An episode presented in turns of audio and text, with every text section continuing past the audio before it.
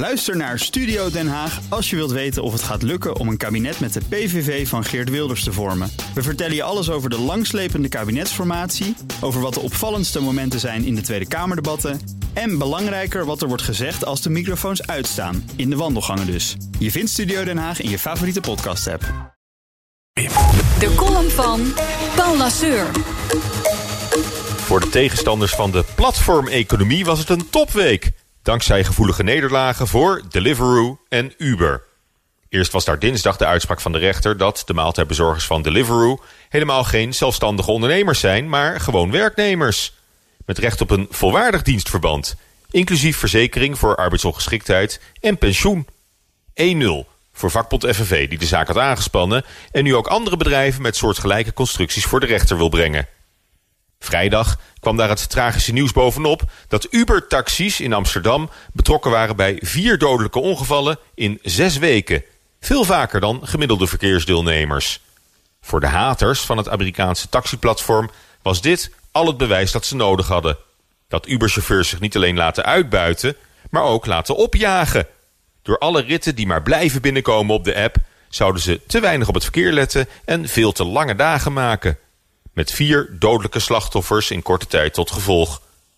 Er gebeuren de laatste tijd zelfs zoveel ongelukken met jonge ZZP-ende taxichauffeurs dat het Verbond van Verzekeraars alarm slaat.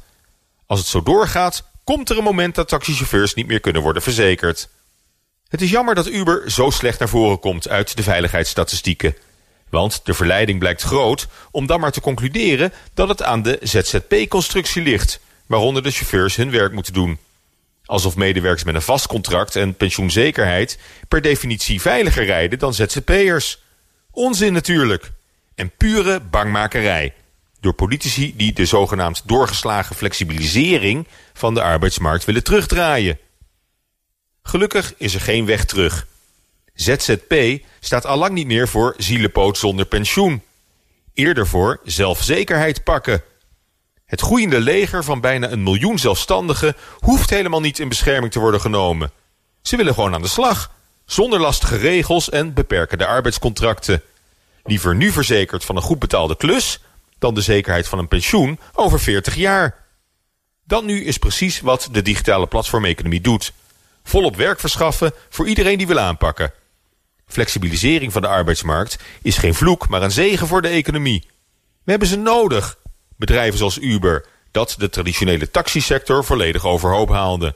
Niet alleen de chauffeurs, maar ook de klanten zijn vaak stukken beter af dan vroeger onder het monopolie van de taxicentrale. Prettige maandag. Hey, Paulus, onze columnist op maandag. En u kunt uw column terugluisteren op bnr.nl en in de BNR-app.